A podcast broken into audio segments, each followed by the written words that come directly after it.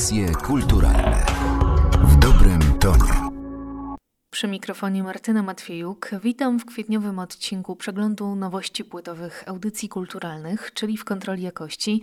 Jak zawsze nie zabraknie w nim dźwięków z różnych obszarów muzycznych, a zaczniemy od trzeciej płyty z autorską muzyką wiolonczelisty Krzysztofa Lęczowskiego, którego prawdopodobnie znają Państwo nie tylko z twórczości solowej, ale również kwartetu smyczkowego Atom String Quartet. Album Lost Journey, wydany jako Krzysztof Lęczowski Trio, ukazał się z początkiem marca. O tej płycie za moment. Ja jestem ciekawa, czy ty, Krzysztofie, postrzegasz siebie bardziej jako instrumentalistę, czy jednak kompozytora?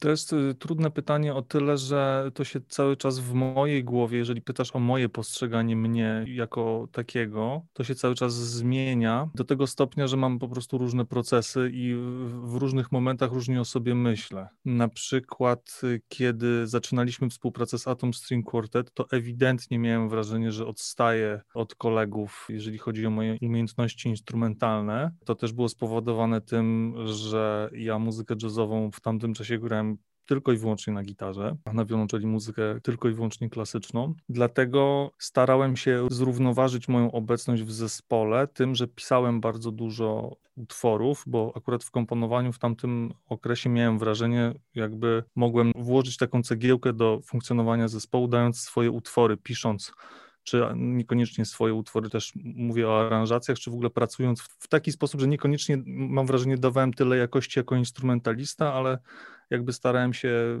odznaczyć swoją obecność w zespole jako kompozytor. Potem y, mijają lata i mam wrażenie, że coraz pewniej się czuję jako instrumentalista grający muzykę jazzową, bo my już w kwartecie gramy 10 lat, 11 rok w zasadzie. No i nie da się ukryć, że w tym momencie czuję się już dosyć pewnie jako wiolonczelista jazzowy, mimo tego, że mam wrażenie, że jakby ten rozwój jeszcze jest cały czas przede mną. To z kolei teraz jest taki moment, właśnie związany z pandemią, że na przykład dostałem stypendium ministra kultury na napisanie jazzowego koncertu wiolonczelowego. No i teraz siedzę w domu i od jakiegoś czasu, mówiąc wprost, dostaję pieniądze ze stypendium napisanie koncertu, a nie koncertuję. Czyli też w mojej głowie pojawia się taka myśl, że w zasadzie w chwili obecnej z zawodowego punktu widzenia można powiedzieć, że bardziej jestem kompozytorem niż instrumentalistą.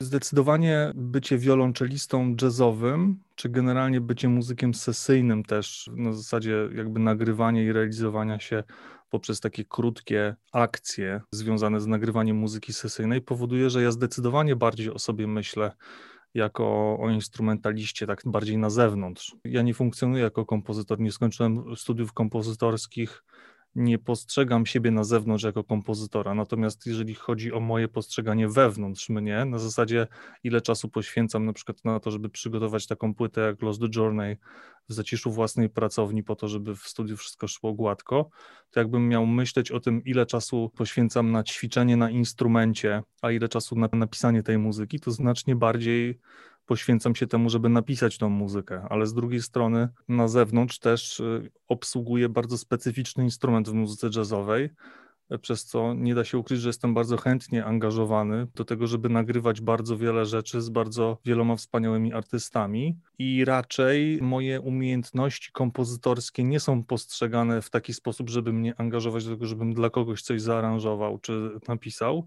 Raczej te rzeczy robię na potrzeby własnych projektów. Natomiast jeżeli chodzi o jakby wykorzystanie moich umiejętności jako instrumentalisty, można powiedzieć, jest jakby zupełnie odwrotnie. Jestem jakby bardzo mocno dostrzegany jako wiolonczelista jazzowy, który gra jazz, mimo tego, że postrzegam siebie jako osoba, która ma jeszcze bardzo wiele w tym zakresie do zrobienia. To też nie jest tak, że uważam siebie za jakiegoś wybitnego kompozytora, bo broń Boże tak nie jest, dlatego głównie rzeczy, które komponuję, to są rzeczy, właśnie takie, miałem ostatnio też taki proces myślowy, że to, co ja mogę dać od siebie jako kompozytor, to jest jakby pisanie tego, na czym się po prostu dobrze znam, czyli ja piszę głównie rzeczy na instrumenty smyczkowe, nie piszę rzeczy na fortepian, nie piszę piosenek za dużo, piszę rzeczy głównie na kwartet smyczkowy, i jeżeli już to na wiolonczele, czy na właśnie na wiolonczele z orkiestrą, ale to też cały czas jest taki kontekst bardzo instrumentalny. Wiolonczela była zatem znakomitym wyborem. Wspomniałeś o najnowszej płycie, u której zarania leżała lektura pewnej książki, Biegunów Olgi Tokarczuk. Jak rozumiem, obudziła ona w tobie taki głód wędrówki? Tak, lektura Olgi Tokarczuk, tutaj też już niejednokrotnie zdarzało mi się prostować jeden bardzo prosty fakt, że nie była dla mnie taką wprost inspiracją, tylko bardziej była impulsem do tego, żeby ta płyta powstała. To faktycznie, jak sobie o tym myślę, to już było ponad rok temu, kiedy był pierwszy lockdown i kiedy był ten pierwszy szok związany z tym, że całe moje zawodowe życie, związane z podróżowaniem, z czasem naprawdę z zaginaniem czasu przestrzeni, bo my faktycznie z kwartetem w normalnym e, roku koncertowym gramy około 80 czy 100 koncertów. W bardzo wielu krajach potrafimy polecieć do Kanady, wrócić do Europy, polecieć do Chin wrócić do Europy, polecieć do Stanów, wrócić do Europy i to się na przykład odbywa w trzy tygodnie wszystko. I cały ten, y, można powiedzieć, zgiełk związany z tym bólem głowy, z, związanym właśnie z przemieszczaniem się, jakby koncertowaniem, tym, że trzeba się uczyć cały czas nowych rzeczy, nagle został zastopowany no i to tak trwa, trwa, trwa i faktycznie w tamtym momencie, no jak przeczytałem jeszcze tych biegunów i tam jest mowa o różnych właśnie takich rzeczach, że mamy takie chwilowe adresy, na przykład w samolocie na dwie godziny czy na pięć godzin mamy adres 27F. Był to taki moment, że zacząłem sobie jakby zdawać sprawę z tego, że chcę przelać te myśli i te doświadczenia, które też wynikały głównie ze współpracy z różnymi muzykami na przestrzeni lat właśnie na ten album i w taki sposób zacząłem o tym myśleć. I to nie jest tak, że starałem się przelać myśli Olgi Tokarczuk na muzykę, broń Boże nie, natomiast był to niewątpliwie impuls, przeczytanie tej książki do tego, żeby, żeby ta płyta w ogóle powstała. Można odnieść takie wrażenie, że pisząc ten album nie mogłeś usiedzieć w miejscu. W bardzo różne strony powędrowały te inspiracje i zaciekawiło mnie to, co napisałeś o tej płycie, że tym razem to nie było zajrzenie w głąb siebie, ale rozejrzenie się dookoła. W jakie strony powędrował Twój wzrok? jakby wytłumaczę się może z tego zdania w taki sposób, że moja debiutancka płyta Internal Melody była właśnie próbą spojrzenia wewnątrz siebie, tego co mi się podoba i tego co mi się na zewnątrz po prostu nie podoba. Ja jak pisałem internal, znaczy pisałem, wymyślałem koncepcję brzmieniową przede wszystkim na płytę Internal Melody, to było na, na zasadzie negacji. Wypisywałem rzeczy, których na pewno nie chcę na tej płycie. Na przykład nie chciałem żadnych kontekstów amerykańskich, nie chciałem żadnych nut swingowych, nie chciałem, żeby tam był e, instrument, który może jakby pełnić rolę basu bardziej niż wiolonczela, stąd wybór organów Hammonda. Chciałem też, żeby to były instrumenty, które mogą brzmieć długo. Nie chciałem też tam jakby jakichś wymyślonych kompozycji. Bardzo wiele rzeczy sobie wypisałem, takich, które nie chcę i jakby w ten sposób ten album powstał. A to było, można powiedzieć, dosyć odwrotnie starałem się spojrzeć, rozejrzeć właśnie wokół siebie, zobaczyć, co mi się w muzyce podobało ostatnio, co spowodowało, że na przykład pokochałem muzykę na nowo, jakie mam obecnie inspiracje i co na przestrzeni tych wielu lat faktycznie powodowało, że ta muzyka mi się podobała.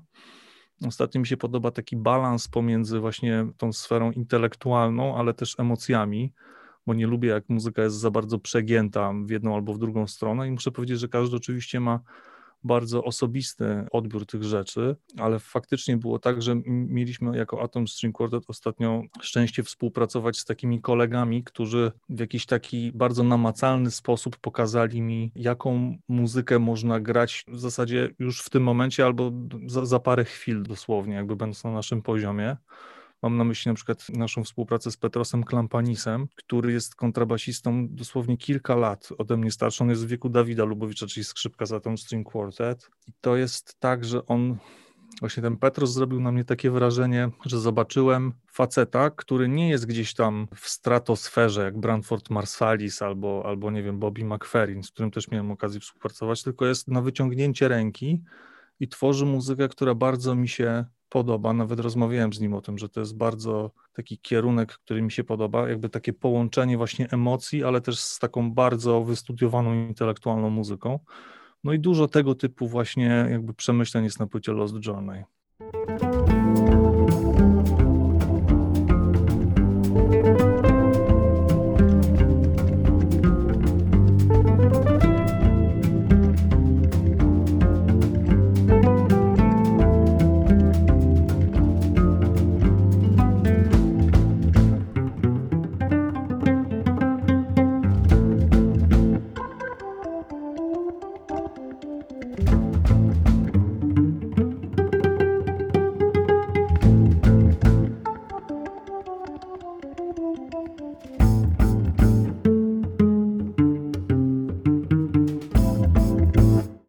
Chciałam Cię jeszcze zapytać o takie Twoje miejsce w jazzie, bo niewątpliwie to jest y, wielobarwny gatunek, przyzwalający na wiele eksperymentów i dający ogromną wolność twórczą.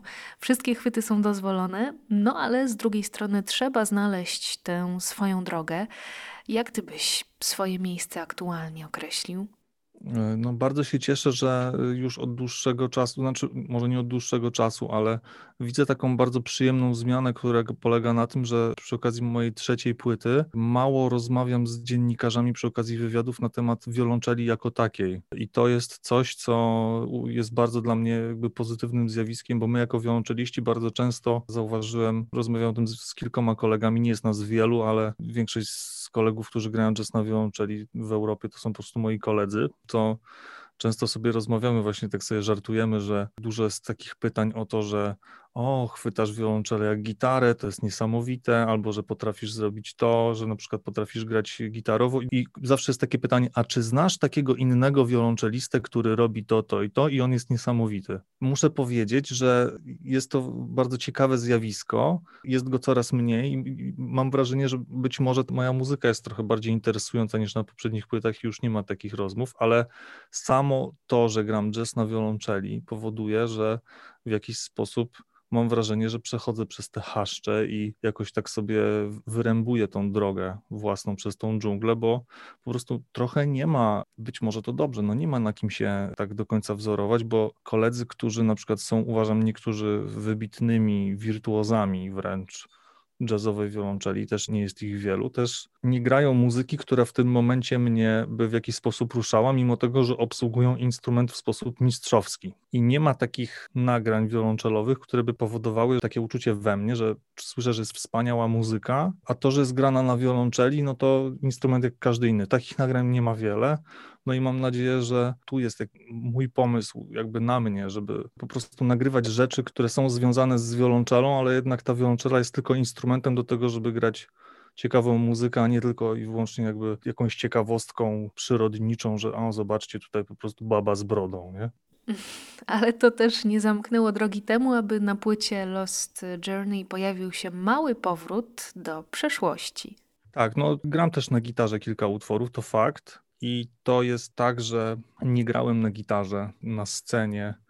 Myślę, że przynajmniej 5 lat. I kiedy tutaj już w czasie lockdownu dopracowałem się takiego mojego pokoiku w domu, gdzie mam jakby dobrą adaptację akustyczną, mogę porozkładać te wszystkie swoje gitary i wyłączale i komputery i mikrofony, to postanowiłem, tak jak to też było na początku pierwszego lockdownu, nagrywać różne krótkie filmiki do internetu, do mediów społecznościowych, żeby w jakiś sposób się wyrażać artystycznie, niekoniecznie na scenie, ale chociażby w, taką, w takiej formie. No i też sięgnąłem po gitarę i chciałem, żeby to było dla mnie przyjemne, żeby spotkanie z tym instrumentem nie było czymś dla mnie traumatycznym albo czymś takim, co spowoduje, że będę na przykład, nie wiem, y, sprawiał wrażenie, że jest to w jakiś sposób wysilone, tylko wybrałem sobie przyjemne tempo, przyjemną tonację, zacząłem sobie improwizować. Kiedy już y, było mi, że tak powiem, miło z tym instrumentem, to dopisałem do tego jakiś dosyć prosty temat. No i tak powstał utwór Dawna Znajoma, który faktycznie wieńczy płytę Lost Journey który jest trochę od czapy, no nie ukrywajmy, że jest jakby w porównaniu do tych poprzednich utworów, gdzie jest bardzo dużo takich rytmicznych ciekawostek, zagwostek, różnych, można powiedzieć, volt, no to tutaj, tutaj ten utwór jest bardzo easy, bardzo jest prosty, ale wydaje mi się, że ma też taki w sumie ciekawy kolor, a ja też go często stream gram na koncertach, bo to też jest miłe dla publiczności, kiedy następuje jakaś taka zmiana i barwowa, i, i, wizualna, że nagle facet gra trochę na innym instrumencie, jest takie, uważam, fajne. No i być może dzięki temu, że nagrałem sobie ten utwór, to trochę pogram znowu na gitarze na scenie. No zobaczymy. Jeżeli będzie można grać koncerty, to mam nadzieję, że tak będzie. Ten ostatni gitarowy utwór nie zaburza moim zdaniem spójności całej płyty i to jest chyba kluczowe. Krzysztof Lęczowski mówił o albumie nagranym z Kajetanem Galasem oraz Bartoszem Staromiejskim, a my sprawdźmy, co słychać u duetu Oxford y, Drama, Gosia Dryjańska i Marcin Mrówka z również trzecią płytą What's the Deal with Time. Ja najpierw chciałabym Wam bardzo podziękować za dostarczenie ogromnych ilości ciepła na tym materiale. Dziękujemy bardzo za te słowa. No, sami y, uwielbiamy słuchać muzyki i jak y, potrzebujemy trochę tego ciepła, gdy na dworze ciepło zdecydowanie nie funkcjonuje, to, to muzyka jest tym dostarczycielem tych pozytywnych, potrzebnych emocji. A na czym Wam najbardziej zależało, kiedy pracowaliście nad tą płytą? Chyba każdy z nas może za siebie powiedzieć. Lubię stawiać sobie wyzwania, więc myślę trochę o każdym kolejnym naszym wydawnictwie, jak trochę o coraz to wyżej zawieszonej poprzeczce, więc chcieliśmy w jakiś sposób jeszcze ambitniej podejść do, do tego materiału niż do dwóch poprzednich. Czy się udało? No właśnie, to nie jest trochę dla nas kwestia do rozstrzygania, ale jesteśmy bardzo zadowoleni z tych utworów i również jesteśmy zadowoleni z odbioru, więc w jakiś sposób również usatysfakcjonowani ogółem stanu rzeczy. Ja się zdecydowanie zgodzę z Marcinem. Wydaje mi się, że gdy siadaliśmy do trzeciego albumu, mieliśmy już jakieś przemyślenia, jak się czuliśmy po wydaniu pierwszego albumu i drugiego albumu, to znaczy się, czego nam zabrakło z naszej strony, gdzie czuliśmy, że w przyszłości, jeżeli będziemy siadać do, do nowych utworów, to na przykład bardziej się skupimy nad y, kwestiami brzmienia danych instrumentów, czy rzeczywiście na przykład dany utwór pasuje do albumu. To nam jakby przyświecało na samym początku prac i co jakiś czas wracaliśmy do tych myśli co spowodowało tak naprawdę, że jesteśmy już jakiś czas po wydaniu trzeciego albumu i czujemy, że nie towarzyszą nam te emocje, które nam towarzyszyły wcześniej. Czyli rzeczywiście jesteśmy zadowoleni z tego, że zadawaliśmy sobie trochę więcej pytań też i kwestionowaliśmy pewne, nie wiem, ścieżki w danym utworze, albo jakiś utwór, albo kompozycję, aranżację wiele różnych rzeczy, że rzeczywiście wracaliśmy do tych myśli, czy to rzeczywiście nam pasuje. Mhm. I, I, rezultatem tego w sumie jest to, co ty powiedziałaś, tak trochę między słowami, Gosiu, że pierwszy raz jest taka sytuacja, gdzie po wydaniu albumu nie mamy poczucia, że moglibyśmy to zrobić lepiej, więc trochę walka z własnym perfekcjonizmem przynosi jakieś rezultaty przynosi rezultaty, nieraz całkiem dobre. Wśród y, takich sformułowań, które pojawiają się wokół waszej płyty, jest comfort music. No właśnie, to jest ta zagadka. Jak stworzyć y, przyjemne piosenki, bo to się może wydawać banalnym, ale chyba wcale takim nie jest. Jak wam się to udało? To jest w sumie zabawne, bo bardzo często właśnie spotykamy się z takimi komentarzami, że to jest właśnie taka muzyka, która daje ciepło, daje spokój, a my na przykład jak patrzymy wtedy w przeszłość i patrzymy na siebie właśnie kwestionujących dane brzmienie, dane słowo, w ogóle pomysł na utwór, to jakby towarzyszą nam zupełnie inne emocje. Nie mówię o jakichś takich emocjach bardzo negatywnych, ale takich właśnie jak czasami jakbyśmy siedzieli w laboratorium i rzeczywiście patrzyli pod mikroskopem na jakieś małe żyjątko, więc Wydaje mi się, że może to jest ta wypadkowa tego, że bardzo nam zależy na utworach, więc pracujemy nad nimi dosyć skrupulatnie. To jesteśmy my jako muzycy, a my jako słuchacze też szukamy tego doświadczenia, które mamy nadzieję dawać innym, czyli też szukamy tego takiego komfortu, który potrafi dać ulubiony album, ulubiony artysta i tego takiego właśnie przyjemnego uczucia, który wręcz y, czasami szuka się go w ogóle w zupełnie innych dziedzinach życia i, i nie można tego znaleźć, więc może to jest właśnie wypadkowa tych dwóch światów i wychodzi jakiś taki twór nasz. I też w tym sensie trochę zaskoczyły nas właśnie reakcje na ten album, y, momentami właśnie opisujące muzykę jako comfort music, co jest dla nas z jednej strony bardzo pochlebne, właściwie z każdej strony jest bardzo pochlebne, ale właśnie w nawiązaniu do tego, co Gosia mówiła i procesu twórczego towarzyszącemu temu albumowi, no to on nawet nie stał blisko strefy komfortu, więc to jest interesujące, ale z drugiej strony znowu, tak jak Gosia wspomniała, przykładów takich albumów jest w popkulturze mnóstwo i pierwszy, który przychodzi na myśl to chociażby Pet Sounds, Beach Boys, który mhm. w większości z nas kojarzy się z takimi pięknymi, durowymi, wesołymi harmoniami wielogłosowymi i piosenkami, które stały się później hitami list przebojów, ale wystarczy tylko zagłębić się w biografię Briana Wilsona, żeby wiedzieć, że droga do tego albumu wcale nie była tak różowa. Ale to nic, nic w tym złego, oczywiście. A propos ulubionych artystów, czy wy wiecie, co jest o was napisane na Wikipedii? Wiemy. Ja zacytuję. Zespół przyznaje, że największą muzyczną inspirację dla niego stanowi muzyka Morrissey'a. Co wy na to? No i co my możemy teraz w, w tej sytuacji zrobić? Możemy napisać post na Facebooku o treści Słuchajcie, pod żadnym pozorem nie róbcie nic z informacją na Wikipedii, która jest nie wiadomo skąd, znaczy my wiemy skąd, z naszej strony na Facebooku sprzed 7 lat, mówiąca o tym, że największą naszą inspiracją jest Morrissey. No właśnie, i że tworzymy elektropop bo to trochę, raz, że właśnie to drugie, raz, że nieaktualne, a to pierwsze jest mocno, ale to mocno wyciągnięte z kontekstu i ciągnie się za nami od lat i trochę sami nie wiemy, co z tym zrobić, a przecież nie będziemy edytowali własnej strony na Wikipedii, więc jest to, jest to taka trochę patowa sytuacja, ale pogodziliśmy się z nią. No to ja myślę, że może nasi słuchacze coś z tym zrobią. Jest e, zadanie do wykonania. Zapytałam o tę notkę oczywiście tak trochę zaczepnie. Właśnie zobaczyłam plakaty, które nad wami wiszą. Niestety słuchacze tego nie widzą, ale zrelacjonuję, że to jest e, U2 i Fleetwood Mac. Kto jeszcze znalazłby się w tej strefie wpływów, e, która was ukształtowała?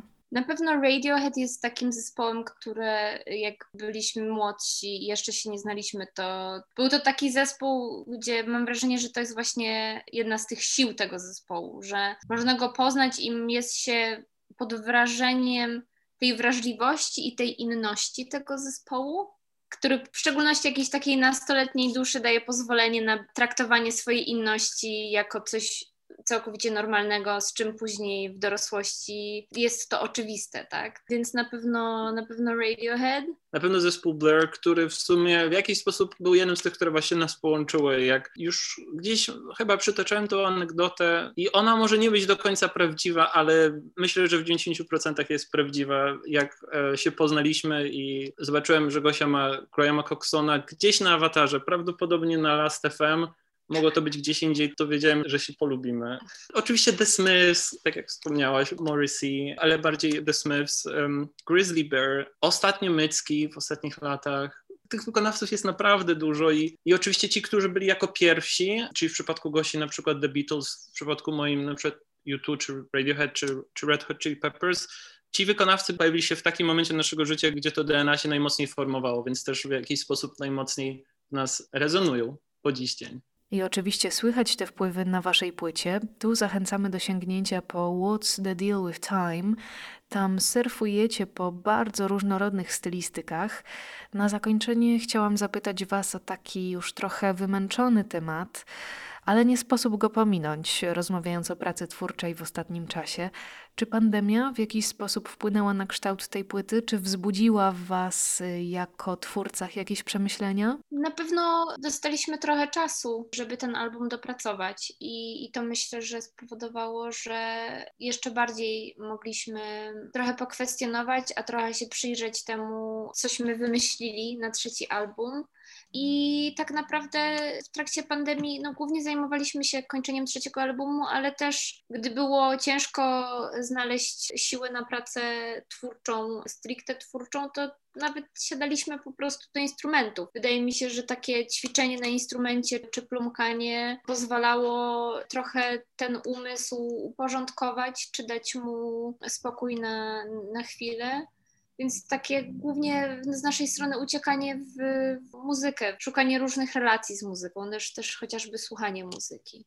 I chyba tak od siebie jeszcze mogę trochę dodać, że pandemia trochę też nas nauczyła pokory w kontekście tego, jaka jest rola artysty w społeczeństwie, że wcale nie jest taka, jak części środowiska może się wydawać, bo jeśli zajmujemy się sztuką, jeśli zajmujemy się muzyką, to robimy to dlatego, że to kochamy. Nie wyobrażamy sobie życia bez tego, ale na pewno nie dlatego, że, że świat mógłby bez tego istnieć, dlatego, że, że mamy jakąś misję zbawienia świata, bo pandemia też pokazała, że jest masa zawodów, bez których tak naprawdę nie moglibyśmy sobie poradzić i które tak naprawdę są najważniejsze, a my tylko jesteśmy artystami i robimy to, co robimy, bo, bo to jest całe nasze życie. A ja od siebie dodam, że dobrze, że jesteście. W końcu to po ulubioną muzykę tak często sięgamy w trudnych chwilach i myślę, że zwłaszcza w trakcie pandemii koi ona niejednokrotnie nasze nerwy.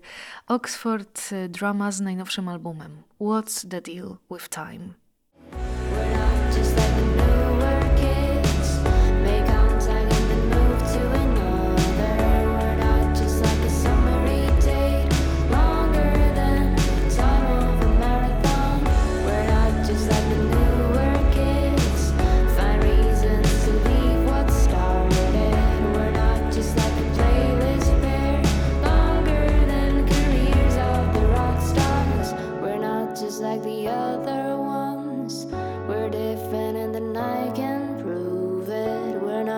like an episode day A trzecią propozycją w kwietniowej kontroli jakości jest mini-album duetu Poli Chobot i Adama Barana. Epka Trzeba Mi jest kolejnym wydawnictwem po długo grającym debiucie z 2019 roku. Pamiętam, że kiedy rozmawiałam z Wami e, zaraz po tej płycie, to padł taki wniosek, że to jest bardzo jesienny album i Adam zażartował nawet, że przeżywacie najwidoczniej jesień swojego życia.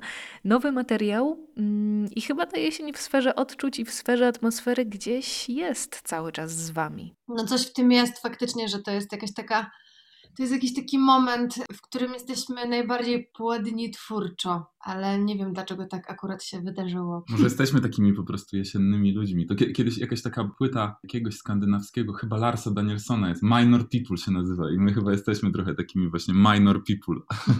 Mm.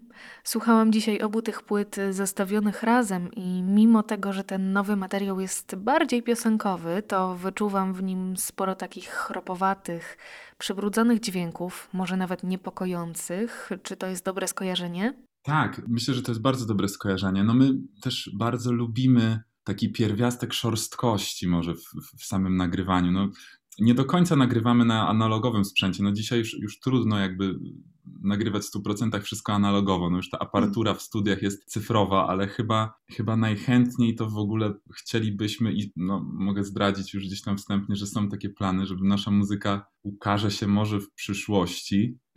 chyba jeszcze nie mogę mówić, Pola mnie tutaj upomina.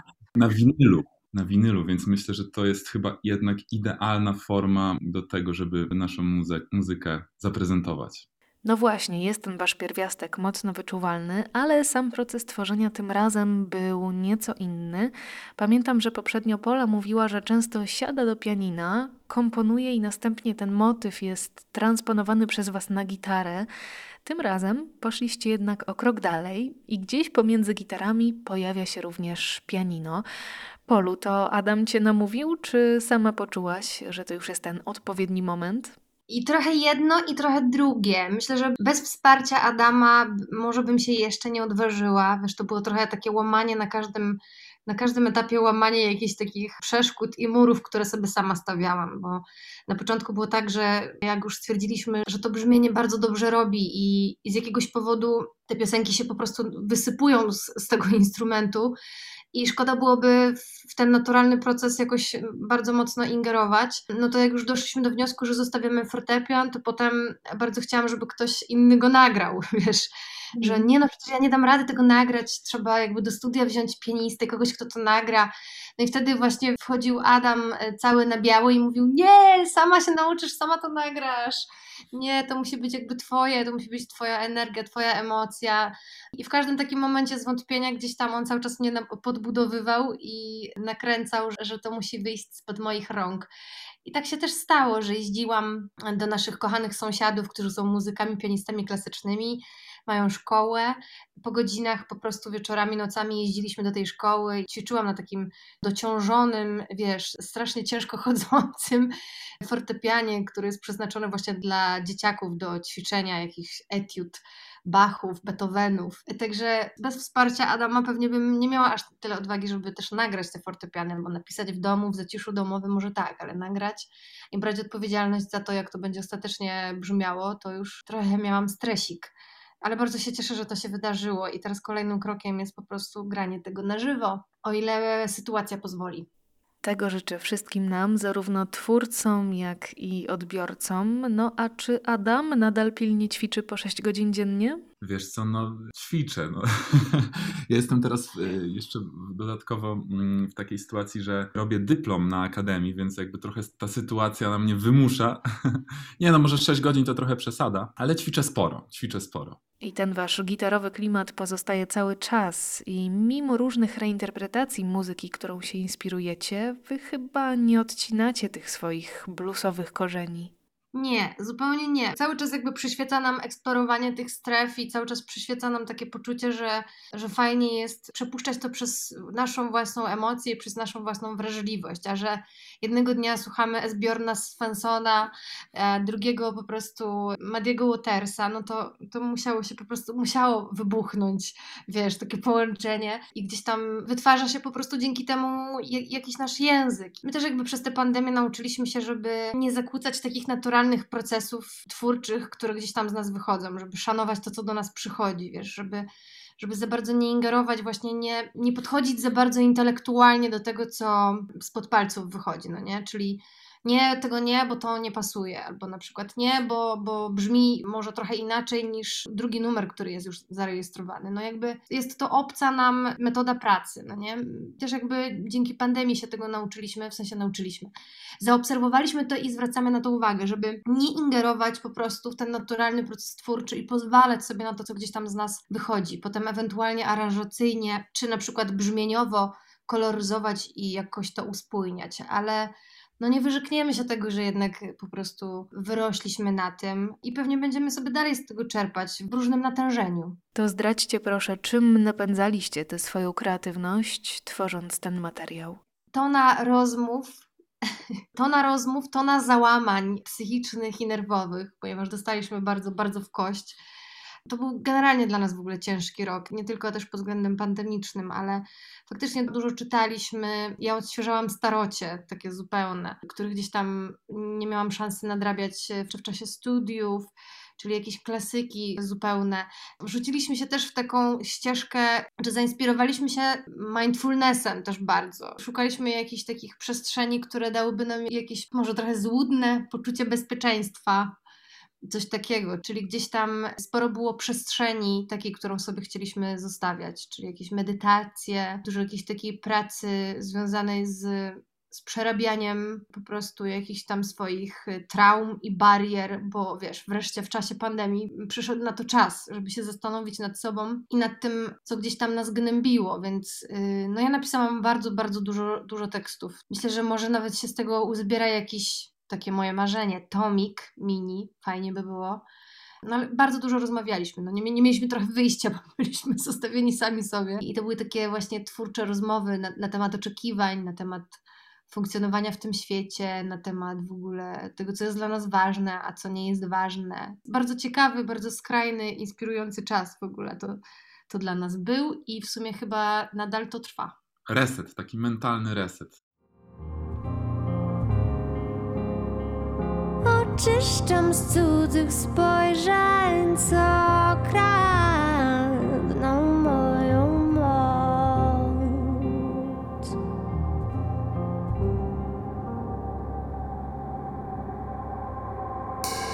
Cały ten kurz, co wsysam go do płuc, pochodzi z waszych ust.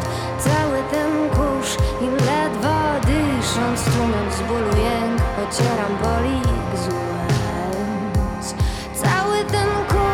Co wsysam go do Pochodzi z waszych ust Cały ten kurz I ledwo dysząc Tłumiąc bólu jęk Ocieram poli i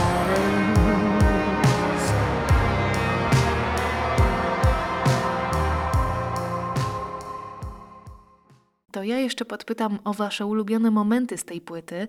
Mnie bardzo zaskoczył utwór Fruń, którego refren przypomina mi takie poprokowe utwory z końca lat 90., klimaty w stylu Edyty Bartosiewicz, y, we mnie to wywołało bardzo przyjemne zaskoczenie. I też nie da się ukryć, że jesteśmy dziećmi lat 90., no tak. więc no po prostu gdzieś tam to musiało prędzej czy później znaleźć jakieś ujście w którychś numerach. Dla mnie najważniejszym utworem na tej płycie i, i utworem w ogóle, który nagrywaliśmy jako pierwszy, to był taki moment przełamania, że tak powiem, to był kurz kurz. Mhm. I też jest to pierwszy utwór w ogóle, który jakby sama od A do Z y, napisałam na tę epkę, który trochę wyznaczył jakby kierunek tego wydawnictwa, więc no ja kurz, to jest takie moje dziecko. Ja jeszcze bardzo lubię te wiolonczelowe odjazdy w śpiących oknach i bardzo się cieszę, że tę wiolonczelę udało nam się zarejestrować i, i ten dźwięk poprzetwarzać. Wyszło to tak trochę może nawet awangardowo. Bardzo lubię też utwór otwierający epkę lubię bardzo krzycz i te piękne chóry, które dziewczyny na naszej płycie zaśpiewały. Była to nieprawdopodobna energia w ogóle w studiu, zupełnie inna niż dotychczas, bo, bo faktycznie powiększyliśmy skład. I, I też myślę, że to trochę słychać na tej płycie, że troszkę więcej istnień się tam pojawiło i to w ogóle była super sesja. Zawsze te sesje są super, ale ta była wyjątkowa. To trzeba przyznać, że te sesje przy tej epce były wyjątkowe, więc szkoda, że jakby słuchacze nie mają dostępu do tego, co wyprawialiśmy w tym studiu, ale może kiedyś zrobimy jakiś mini dokument z tego. Musicie wypuścić making offa po prostu. Chyba tak, chyba tak zrobimy. Są co prawda krótkie filmiki, na których są urywki na naszych mediach społecznościowych, ale myślę, że chyba zrobimy, zmontujemy coś takiego longiem, żeby dać jakiś taki przedsmak tego, co się wydarzało przed tym. A póki co rozumiem, że czekamy na winyla.